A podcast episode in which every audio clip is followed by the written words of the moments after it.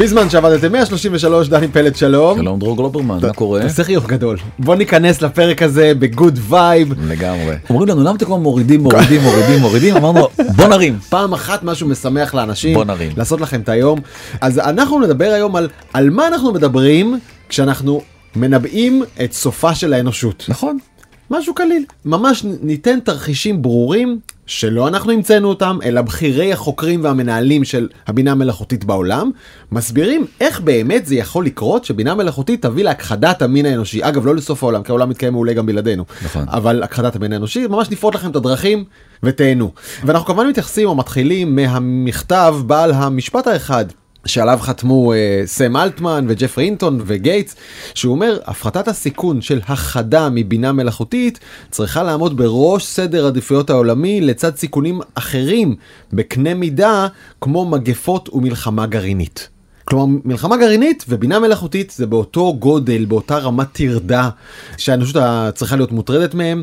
והנה אומר אליעזר יודקובסקי או כמו שאני אוהב לקרוא לו אליעזר יודקובסקי בכל זאת הוא אליעזר אחד מחוקרי הבינה המלאכותית המובילים בעולם אומר ככה חוקרים רבים שמתעמקים בנושאים הללו ואני בכללם צופים כי התוצאה הסבירה ביותר של בניית בינה מלאכותית חכמה על אנושית היא שממש כולם, אבל כולם על פני כדור הארץ ימותו. ואליו מצטרף גם אילון מאסק, מייסד OpenAI, שאומר בינה מלאכותית מסוכנת יותר מתכנון או תחזוקה פגומה של מטוסים, היא מסוכנת יותר מייצור גרוע של מכוניות. יש לה את הפוטנציאל. על אף שההסתברות הזו קטנה אבל לא טריוויאלית יש לה את הפוטנציאל להרס הציוויליזציה.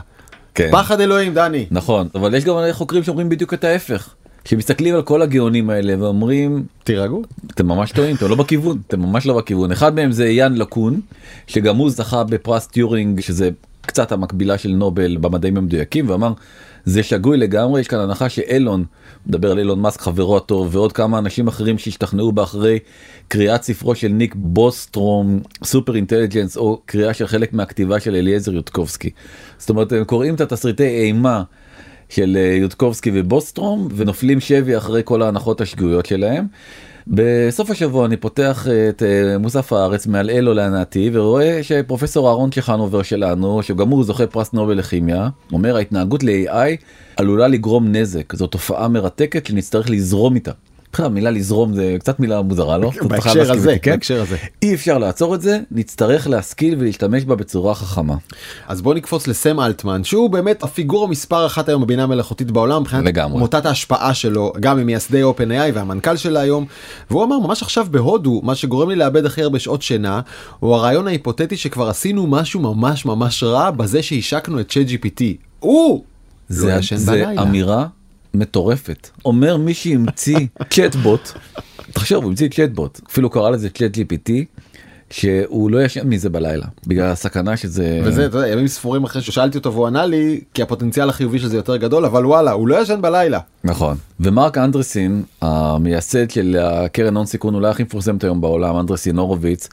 ובן אדם שאני לא מחבב מי יודע כמה איך לומר ציירת לו כזה ראש ביצה. כן נכון והוא אומר עידן הבינה מלאכותית הגיע ווואו אנשים מתחרפנים למזלכם כזה שחצן אתה יודע למזלכם אני, אני פה. פה.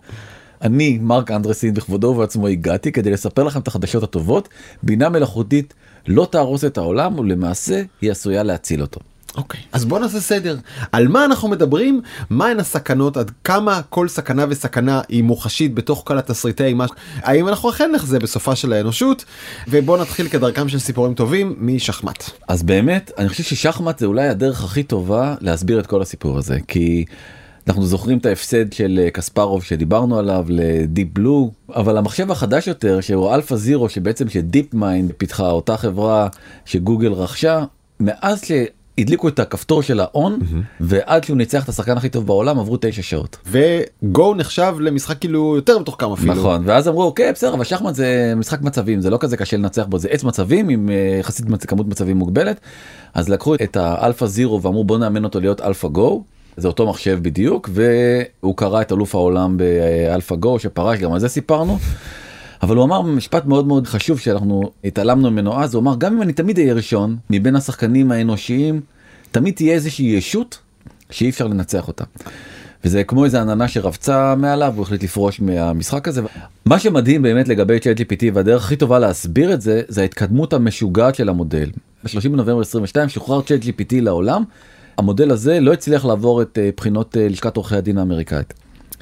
מרץ 23, לא מזמן, לפני שלושה חודשים, רבעון אחד בסך הכל מאוחר יותר, שוחרר GPT 4.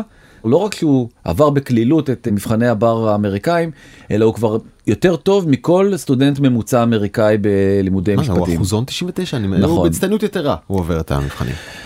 סטנפורד ערכו איזשהו מחקר ושאלו את השאלה המוזרה הזאת בהתייחס לאותו מכתב שפרסמו אה, ביל גייטס וסם אלטמן. כמה לדעתכם הדבר הזה זהה לסיכון מפצצת אטום? כל חוקר שלישי שענה למחקר הזה של אוניברסיטת סטנפורד, אפילו יותר, 36 אחוזים, אמר שהסכנה מ-AI זהה לסכנה של פצצת אטום.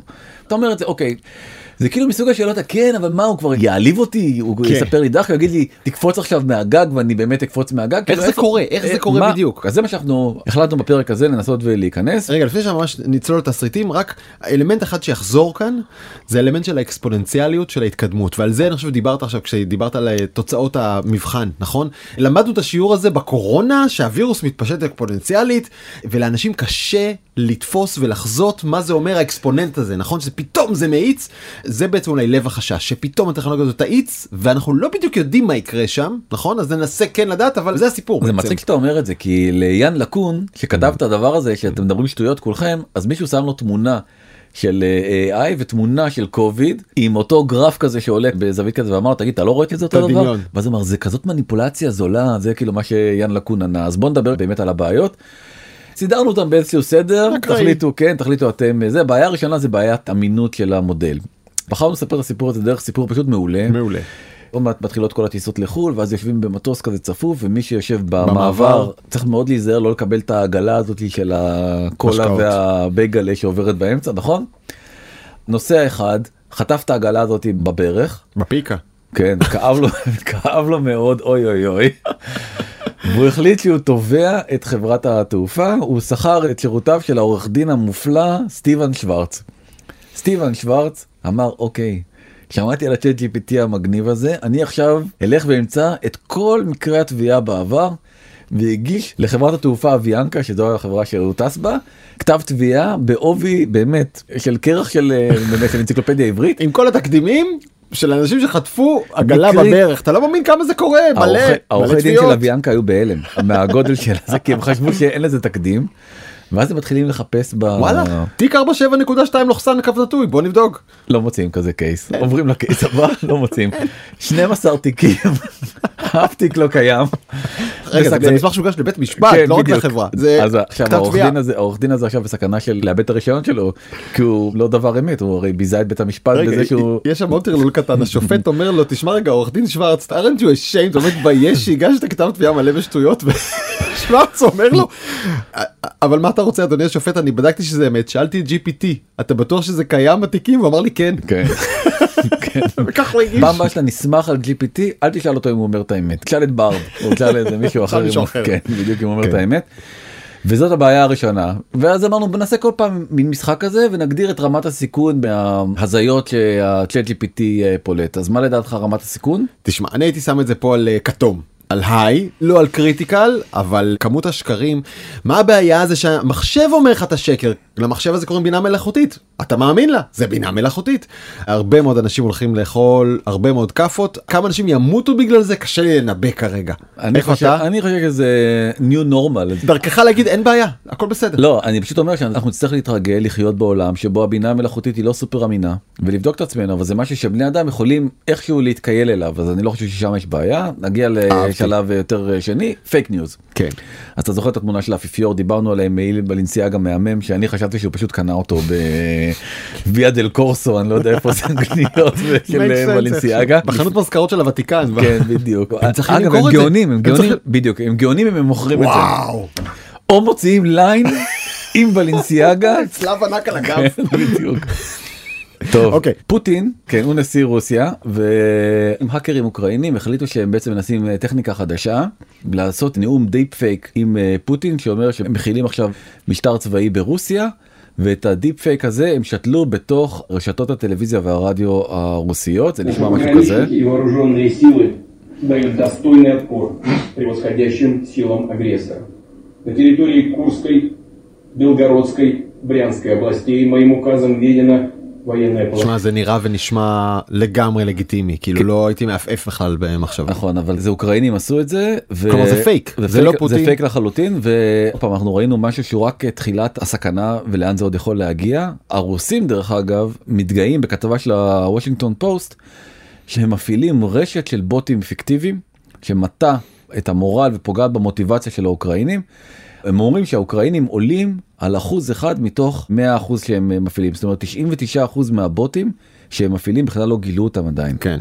בוטים או פיקטיביים ואגב אני חושב שהם מפעילים לא רק באוקראינה הם הפעילו גם קודם בארצות הברית בבחירות הם הפעילו כן, נדמה לי גם. באנגליה סביב הברקזיט הם יודעים להטות דעת קהל אני לא אתפלא אם קרו גם דברים בישראל.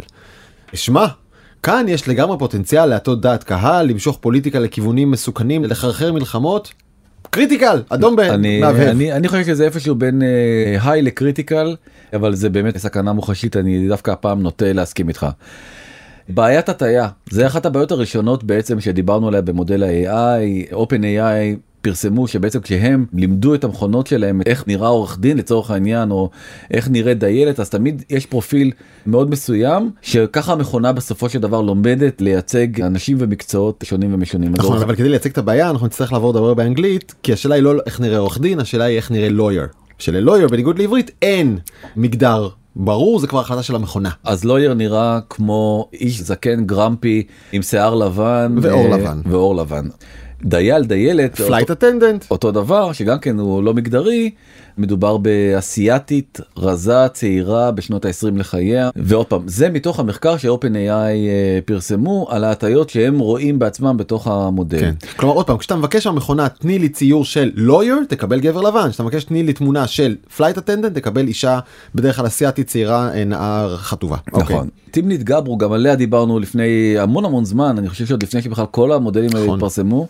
פוטרה מגוגל אחרי מחקר שהיא קראה לו race and gender גזע ומגדר ובו היא טענה בעצם שחברות הטכנולוגיה לא עושות מספיק על מנת לנסות ולגדר את הסיכונים שיש באי הצפת הבעיות המבניות באימון המכונה על דאטה סט שהוא מראש מוטה. ולכן נוצר איזשהו עיוות שהוא מונצח בתוך המודל והשתרש שנים קדימה כי כן. זה מה שאנחנו נקבל אז זה מה שאנחנו נקבל אז ככה הדבר הזה צריך לייצג היא נותנת דווקא דוגמה מישראל בתוך המחקר הזה שלה שלפי הדוגמה הזאת פועל ערבי פלסטיני שעבד בביתר עילית העלה תמונה שלו שהוא יושב ליד טרקטור וכותב יסבחום שזה במדוברת בוקר טוב לכם רק שהתרגום האוטומטי הפך את יסבחום ליטבחום. כלומר להרוג אותם והופ הופ הופ על הדלת שלו דופקת המשטרה ולוקחת אותו למעצר. על הטרקטור, על- המשטרה. הטרקטור. פתח רגע, פתח שנייה. עכשיו האיש כולה אמר בוקר טוב, אה, צריך אה, לשים לב, הטעות של הבינה המלאכותית הייתה בתרגום, ומי שהיה מוטה זו המשטרה, שאמרה אוקיי ערבי בטרקטור צריך לקחת אותו, ואף אחד לא טרח לבדוק מה באמת הוא כתב בערבית, שזה לא כזה מסובך, זה מילה אחת. מחקר אחר מדהים שפורסם בעצם על הטיות בתוך Stable Diffusion אחד המודלים הגרפיים הכי פופולריים לייצור תמונות, ליצור תמונות מה קורה כשאתה כותב טרוריסט. כולם נראים אותו דבר. ובדיוק כמו הסטריאוטיפ שאתם חושבים על טרוריסט, מישהו עם חזות יותר מזרחית, פחות מזרחית, אבל כולם כאן נראים, אה, נכון? שיער כהה, הרבה זקן. כולם חברים פוטנציאליים בדאעש בוא, בוא נאמר נכון, את האמת. ככה- הסטריאו- ככה- זה סטריאוטיפי לחלוטין. נכון מראים במחקר שבעצם לפי המקצוע שאתה מבקש נגיד אם אתה תרצה ארכיטקט אז נראה לי 85 אחוז או 90 אחוז לבנים אותו דבר לגבי עורך דין אותו דבר לגבי מנכ"ל אותו דבר לגבי פוליטיקאי שופט טיפה משתפר במהנדס אבל לא בצורה משמעותית עוד טיפה משתפר ברופא מה זאת להשתפר? יש נוכחות יותר גבוהה לעוד גוונים של אור. נכון אבל אם אתה הולך למי שעובד במסעדה או למי ששוטף כלים זה ממש נראה כהה לחלוטין די ברור שיש כאן הטיה מובנית, נכון? המכונה מייצרת צבע לפי המקצוע שאמרת לה. לחלוטין. רגע, אנחנו לא נטען שהטיה לא קיימת במציאות האמיתית. הטענה של המחקר זה שבעצם המכונות מנציחות סטריאוטיפים קיימים. יפה. אני רוצה לתת שנייה דוגמה מה זה להנציח. הוקמה בארצות הברית מערכת שממליצה לשופטים, סיפור שכבר סיפרנו, האם להאריך או לא להאריך מעצר של חשוד שמובא בפניהם. כדי לבקר את המערכת עשו עליה בקרה אחרי כמה תיקים, וגילו שבאופן מאוד ברור כשמובא חשוד כהה עור שגנב מסטיק מפיצוצייה, אז המערכת אומרת לשופט שים אותו במעצר, אבל כשמובא חשוד אה, בהיר יותר, בעבירות צווארון לבן, שדד מיליון דולר מהעסק שלו, אז הוא הולך הביתה למעצר בית. מאיפה הטיה הזאת? למה נגד שחורים? כי ה-database. ה-database אומר החלטות קודמות החלטות עבר הן מוטות ומזה המערכת לומדת ואז ההטיה מונצחת על ידי המערכת. אז השבוע הלך אה, לעולמו אחד הטרוריסטים אולי הכי מפורסמים בטח במאה ה-20 טד קשינסקי הידוע בכינויו ה-Unabomber. Unabomber. הסיבה שהוא שלח את כל המכתבי נפץ האלה היה כי הוא רצה לעצור את הקדמה. הוא בעצם חזה את כל מה שה-AI הזה קרה והשבוע הלך לעולמו והוא במקרה בדיוק לפני שכל היופי הזה קורה. טרוריסט וה... מאוד מאוד בהיר שלא כן. עונה לשום סטריאוטיפ. נכון אוקיי. ובגלל זה גם היה קשה לתפוס אותו. מה רמת הסיכון? תראה. לתחושתי זה לא דבר שהולך לחסל את האנושות הוא רק יכול מאוד לסכסך אותה ולהעמיק את אי השוויון אבל זה לא דבר שאנחנו נראה בגללו מיליארדים מתים. אז זה באזור הצהוב ירוק זה מאוד מציק אזרחית וחברתית בכל המובנים. אני זורם זה. לא הורג אנשים. אז בואו אוקיי. נלך אתה יודע אולי זה כן הורג במקרה קצה כן זה גם הורג. טוב בודדים. בודדים עצוב עצוב עצוב עצוב עצוב זה לא יחסל מיליארדים. יאללה עבודה. תשמע רגע כן. לא יודע מה נגיד בסוף על אדום ירוק צהוב זה נוגע בהכי הרבה אנשים ונשים שמאזינים לנו כרגע. באחוזים בטוח. אני רוצה להתחיל לך מחקר מאוד חדש, פורסם ב-25 למאי, 75% מהאמריקאים, שלושה מארבעה אמריקאים חושבים ש-AI מסכן להם את מקום העבודה. מה אתה אומר על המספר הזה? אני חושב שהם צודקים. אני מסכים איתך. אבל אני חושב שגם לצד זה אם הייתי ממשיך את השורה הזה ו-75% גם חושבים שזה נותן להם הזדמנויות חדשות נכון ודרכים להתייעל ולהשיג יעדים חדשים. רק ה-25 חושבים את זה לא. נראה לי. זה נראה לי. ה- 25% לא מעניין אותם. כן. הם בעולם אחר. אמ, גולדמן סאקס במחקר אחר שהם פרסמו צופים שבעצם 300 מיליון עבודות מכדור הארץ יוחלפו באמצעות AI ועוד פעם המספרים הם במקום הראשון זה כל מה שקשור במשרות אדמיניסטרטיביות אחרי זה משרות של עורכי דין אחרי זה ארכיטקטים ומהנדסים.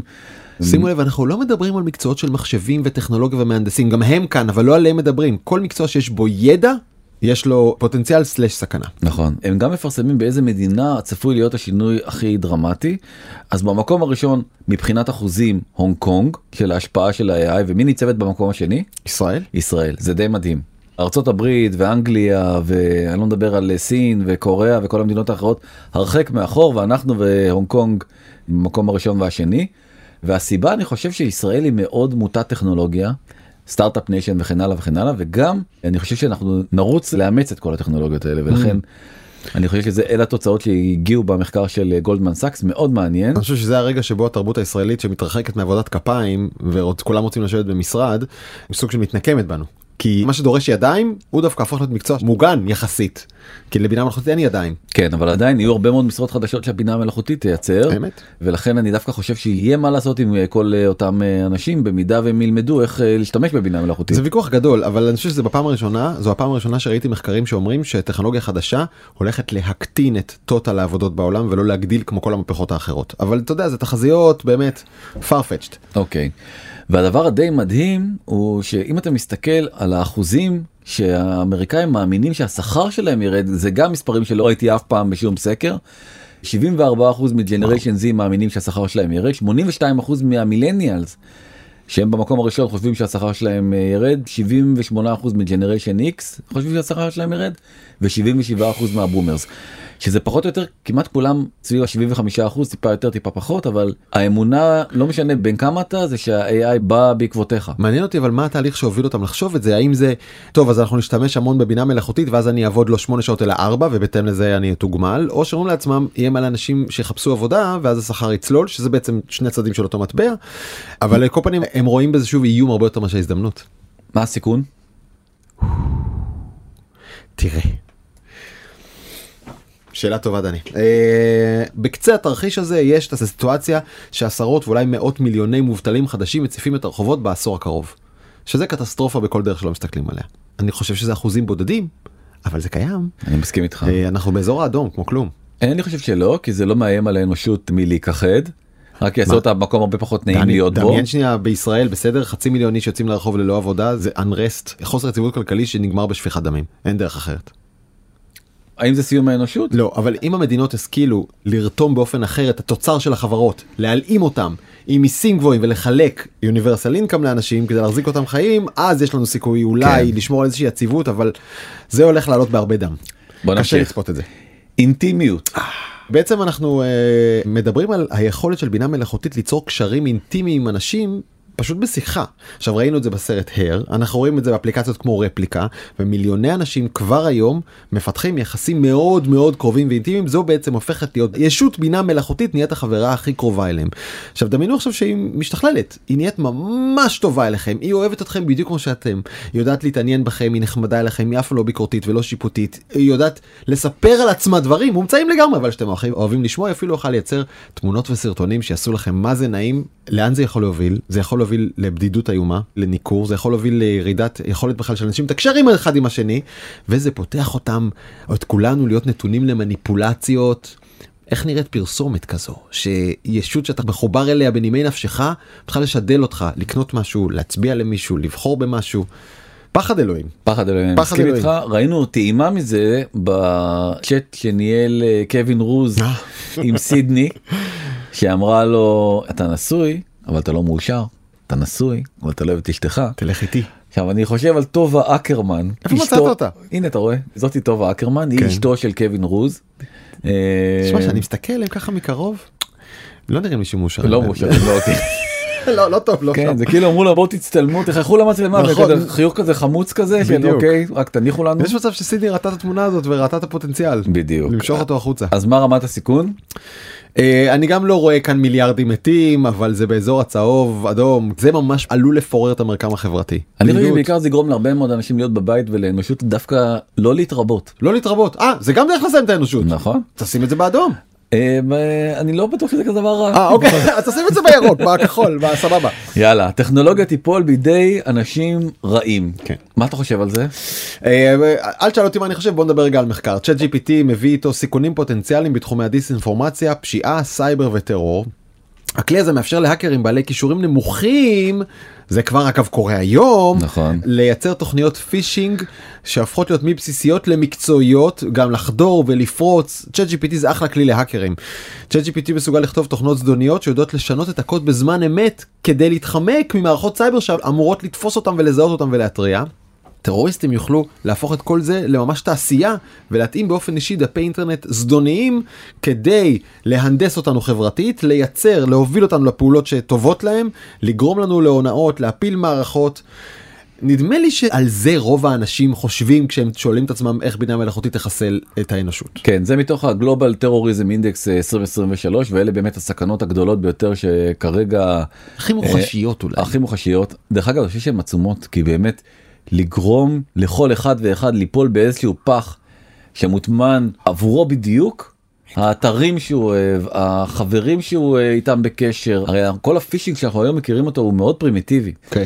אפשר יהיה להביא את זה לרמת אומנות כזאת שאי אפשר יהיה להבדיל בחיים בין שיחה התכתבות אה, וואטסאפ אה, אמיתית בינך לביני או שבעצם מישהו מתחזה לנו עומד באמצע משתמש ב-AI כי הוא יודע בדיוק איך אתה כותב מה אתה תענה שום דבר לא יראה לי מוזר.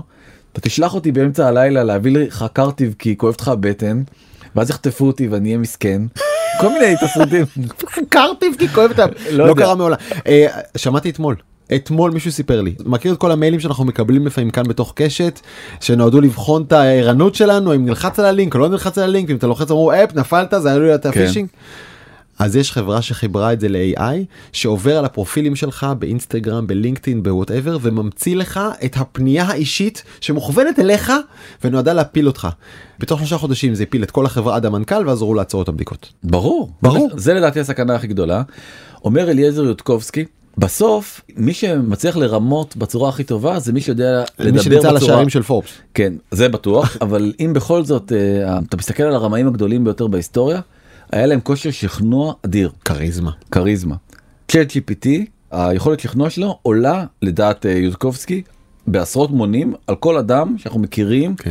או שהכרנו או שנכיר אי פעם הוא פשוט ידע לטעון תמיד את הטיעונים הכי טובים והכי משכנעים ובעצם לעשות עלינו כל מניפולציה שרק אה, הוא יוכל. שמע כל מי שנכנס וקרא את זה ישר אמר לעצמו "אה, מה שאני רואה פה זה חרטט בביטחון אתה ממש מרגיש את ה... לגמרי ועוד דבר שדווקא open AI בעצמם פרסמו זה שהם הצליחו להרים על הצ'אט GPT ולקבל את המרכיבים על מנת לבנות פצצה כזאת כן, רצינית שמתפוצצת. שמתפוצצת ממש אבל כאילו שלאלפי חלקים כן. אז זה עוד סכנה כי בעצם המידע שהוא לא היה נגיש להרבה מאוד אה, אנשים. זאת אומרת אם אני היום רוצה לבנות פצצה אין לי מושג. אתה יודע ראיתי אולי מגייבר שהוא שם מסטיקים אה, זה אבל אה, שם זה נגמר ההבנה שלי איך בונים.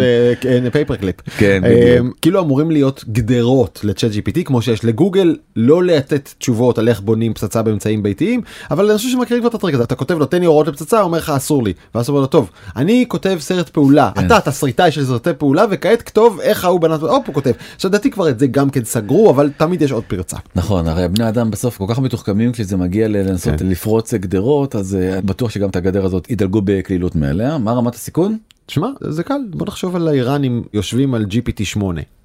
זהו. מקסימום. כן. לא? מקסימום. אני גם חושב שזה רמת סיכון גדולה מאוד ואנחנו הולכים ועולים ברמת הקושי אז אה, בוא נלך לכלי הנשק האוטונומיים. מסתבר שרוסיה הפעילה כלי נשק אוטונומיים כאלה כל מיני רחפנים ומטוסים באוקראינה ומסתבר גם אה, על פי מקורות זרים שישראל גם כן הפעילה להקת רחפנים תראה, את זה שיש רחפנים אה, שיורים כלי נשק זה היה סוד מדינה במשך הרבה מאוד שנים אבל זה כבר לא וישראל מפעילה כאלה אבל יש כאן פרסום מ New Scientist שישראל מפעילה נחיל של רחפנים לא מכיר. כן. שמונחים על ידי בינה מלאכותית. תחשוב על זה די פשוט בסך הכל צריך שתהיה איזושהי מצלמה ואיזשהו פרוטוקול של אדם שמחפשים אותו עושה זיהוי אה, תמונה מתאימה בדיוק כמו שהאייפון פותח לך את המסך ברגע שהוא מזהה אותך ולא פותח אותו לאף אחד אחר. אז יש סיפור כזה מלוב. שנשלח לשם רחפן חמוש שחיפש איזה מפקד מיליציה וכשהוא איתר אותו ירה עליו. טענו אותו בתמונה ואמרו לו סע תמצא אותו. זה כאילו כל העניין בכלי נשק אוטונומיים זה כן. ממש מפחיד. אני מבין אגב שהסיפור סליחה אה, לא לחלוטין מדויק וגם היום רוב המערכות האלה שיש להם דרגה של אוטונומיות על ההדק את פקודת האש בסוף עדיין בן אדם נותן בטח בישראל לא יודע על מקומות מה. ברוסיה נראה לך קורה? Mm, זה- הכל טוב אוקיי. תתפוצץ. בעיריית ניו יורק בפיילוט ביחד עם Boston Dynamics אם תיסעו לניו יורק יכול להיות תיתקלו בכלבלב המבעית לא? הזה הוא פשוט מבעית שמסתובב לו ברחובות העיר ושומר על העיר ואיזה מוח יש לו גם כן הסברנו פעם מוח של צ'אט GPT והיה סיפור שהיכה הרבה מאוד גלים ואז הוא התברר שהוא לא לגמרי נכון. חיל האוויר האמריקאי הפעיל רחפן והרחפן שקיבל פקודה לחסל את כל מי שסביבו חיסל גם את המפעיל. זה פורסם כאילו באמת בן אדם נהרג ואז התברר שזה קרה רק בסימולציה. נכון. ואז גם את זה חיל האוויר האמריקאי הכחיש לחלוטין אמר גם זה בסימולציה לא קורה אבל זה לא מופרך שבינה מלאכותית מקבלת מטרה אומרים לה תתקני מה שמפריע לך בדרך ואז היא אומרת המפעיל מפריע לי נחסל אותו. נכון. קראתי על זה הרבה חוקרים שהתייחסו למקרה הזה ואמרו שזה בדיוק המקרה של יישור בינה מלאכותית של אה, AI alignment. איך בעצם מגדירים איפה הבינה המלאכותית עוצרת ומבינה שבעצם המשימה הסתיימה מבחינתה. כן. וזו שאלה שאף אחד היום לא יודע את התשובה. ג'פרי הינטון, מי שבעצם אולי המציא את הקונספט הזה של רשתות נוירונים, בעיניו זאת הסכנה הגדולה מכל, ומזה הוא מאוד מאוד חושש, רמת סיכון, הכי הרבה שיש מה. אני מסכים.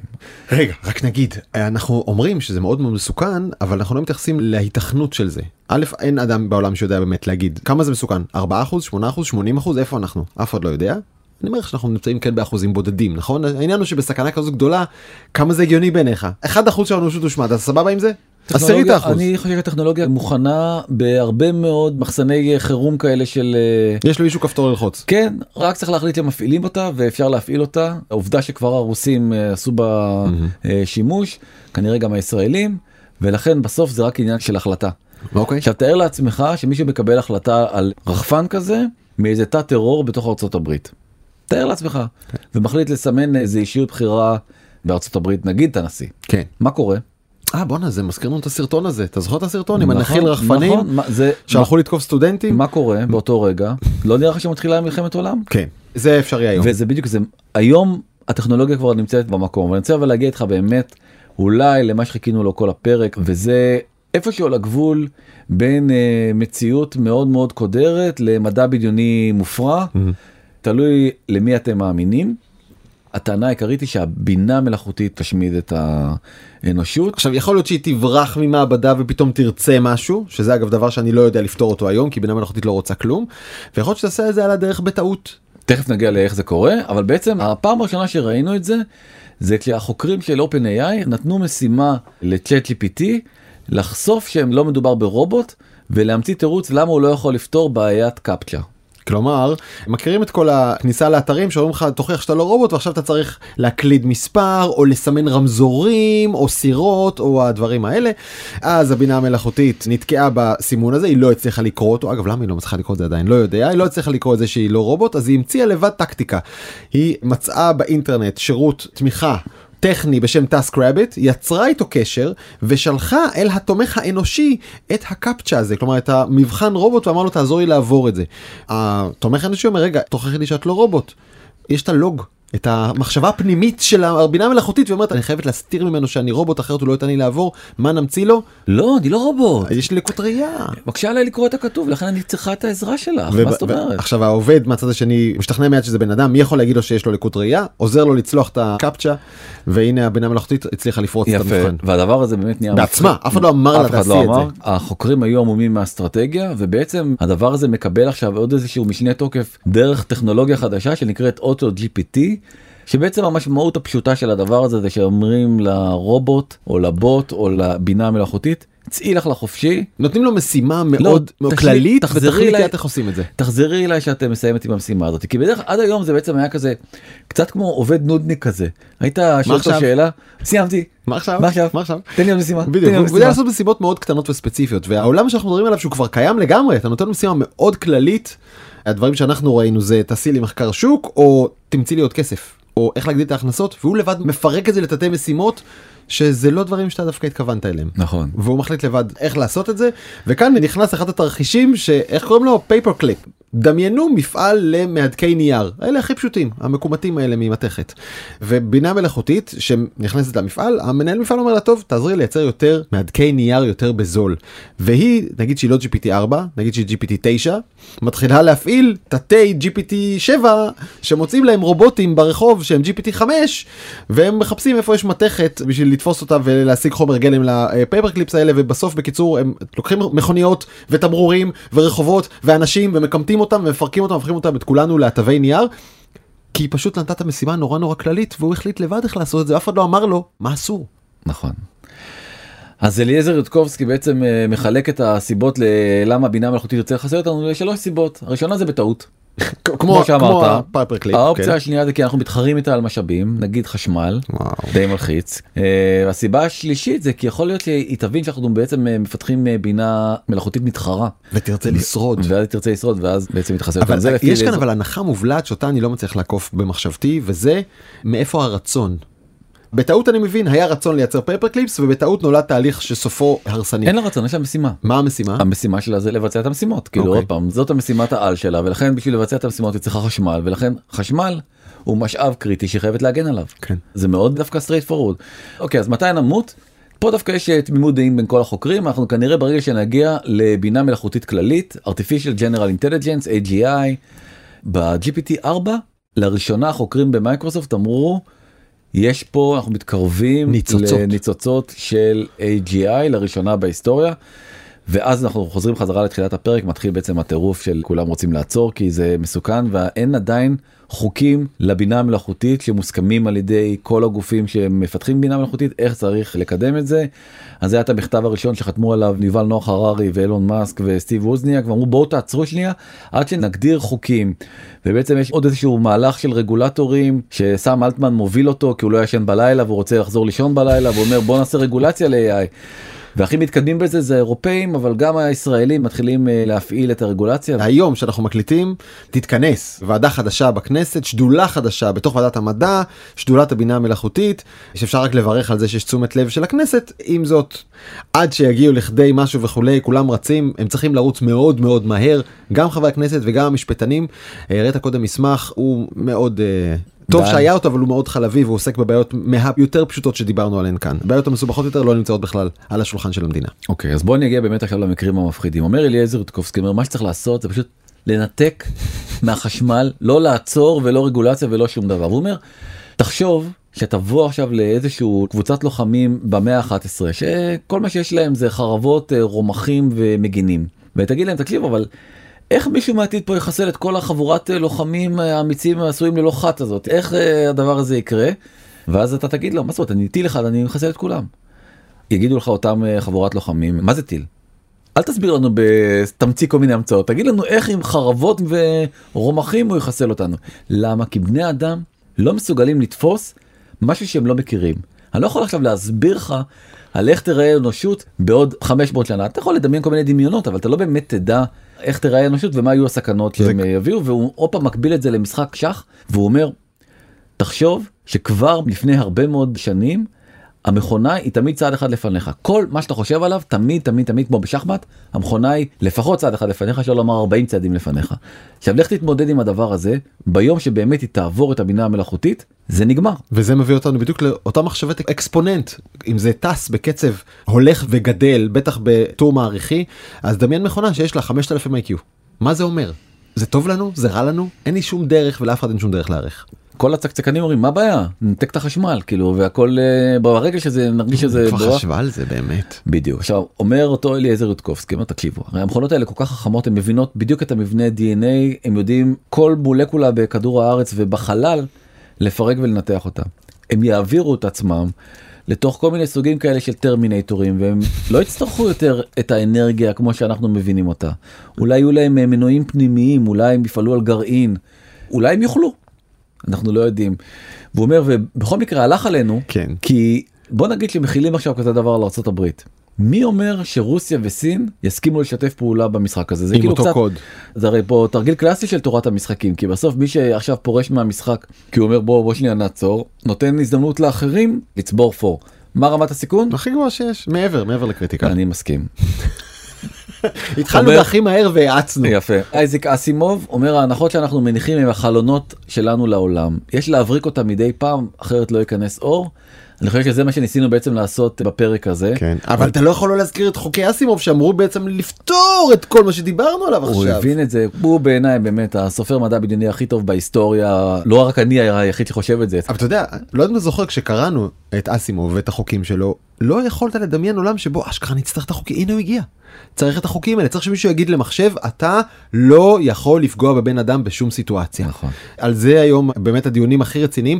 הערות קטנות אחד כל התרחישים שבאנו להפחיד אתכם אחד אה, ייתכן יקרו. שלא יקרו כן גם אם יקרו זה בסבירות מאוד מאוד נמוכה וייתכן שהמדינות יצליחו להתגבר על זה וגם התעלמנו לחלוטין מהחצי החיובי של התמונה על להכחיד מחלות לגמור את הרעב להפסיק את העוני לטפל במשבר האקלים כל הדברים שסם אלטמן מנסה לשכנע אותנו שהבינה המלאכותית תוכל לעשות אם רק ניתן לה אה, אז השיחה הזאת הייתה מוטה לחלוטין. לא אה, באנו לספר על הסכנות. לא נכון נכון נכון כשמישהו שאל אתכם מה הסכנות תדעו אה, איך להפחיד גם אותו אנחנו שמחים להערות שלכם ולהסתייגויות שלכם ולפחדים שלכם לוואטסאפ 03 7676 012 או למייל בזמן שטרודל קשת מקף קום אתם מוזמנים גם להיכנס לקבוצה שלנו בפייסבוק בזמן שעבדתם הקבוצה אנחנו נאמר תודה לעורכת שלנו אפרת מירון ולתומר וולף על הסיוע הטכני לנטע ספילמן על ההפקה ולחברים במאקו דיגיטל זוהר צלח ניצן כרמלי ודנה גוטרזון שכולנו נזכה להזדקן עם הבינה המלאכותית לעוד הרבה שנים מסכים. דני פלד תודה תודה רבה. יאללה ביי.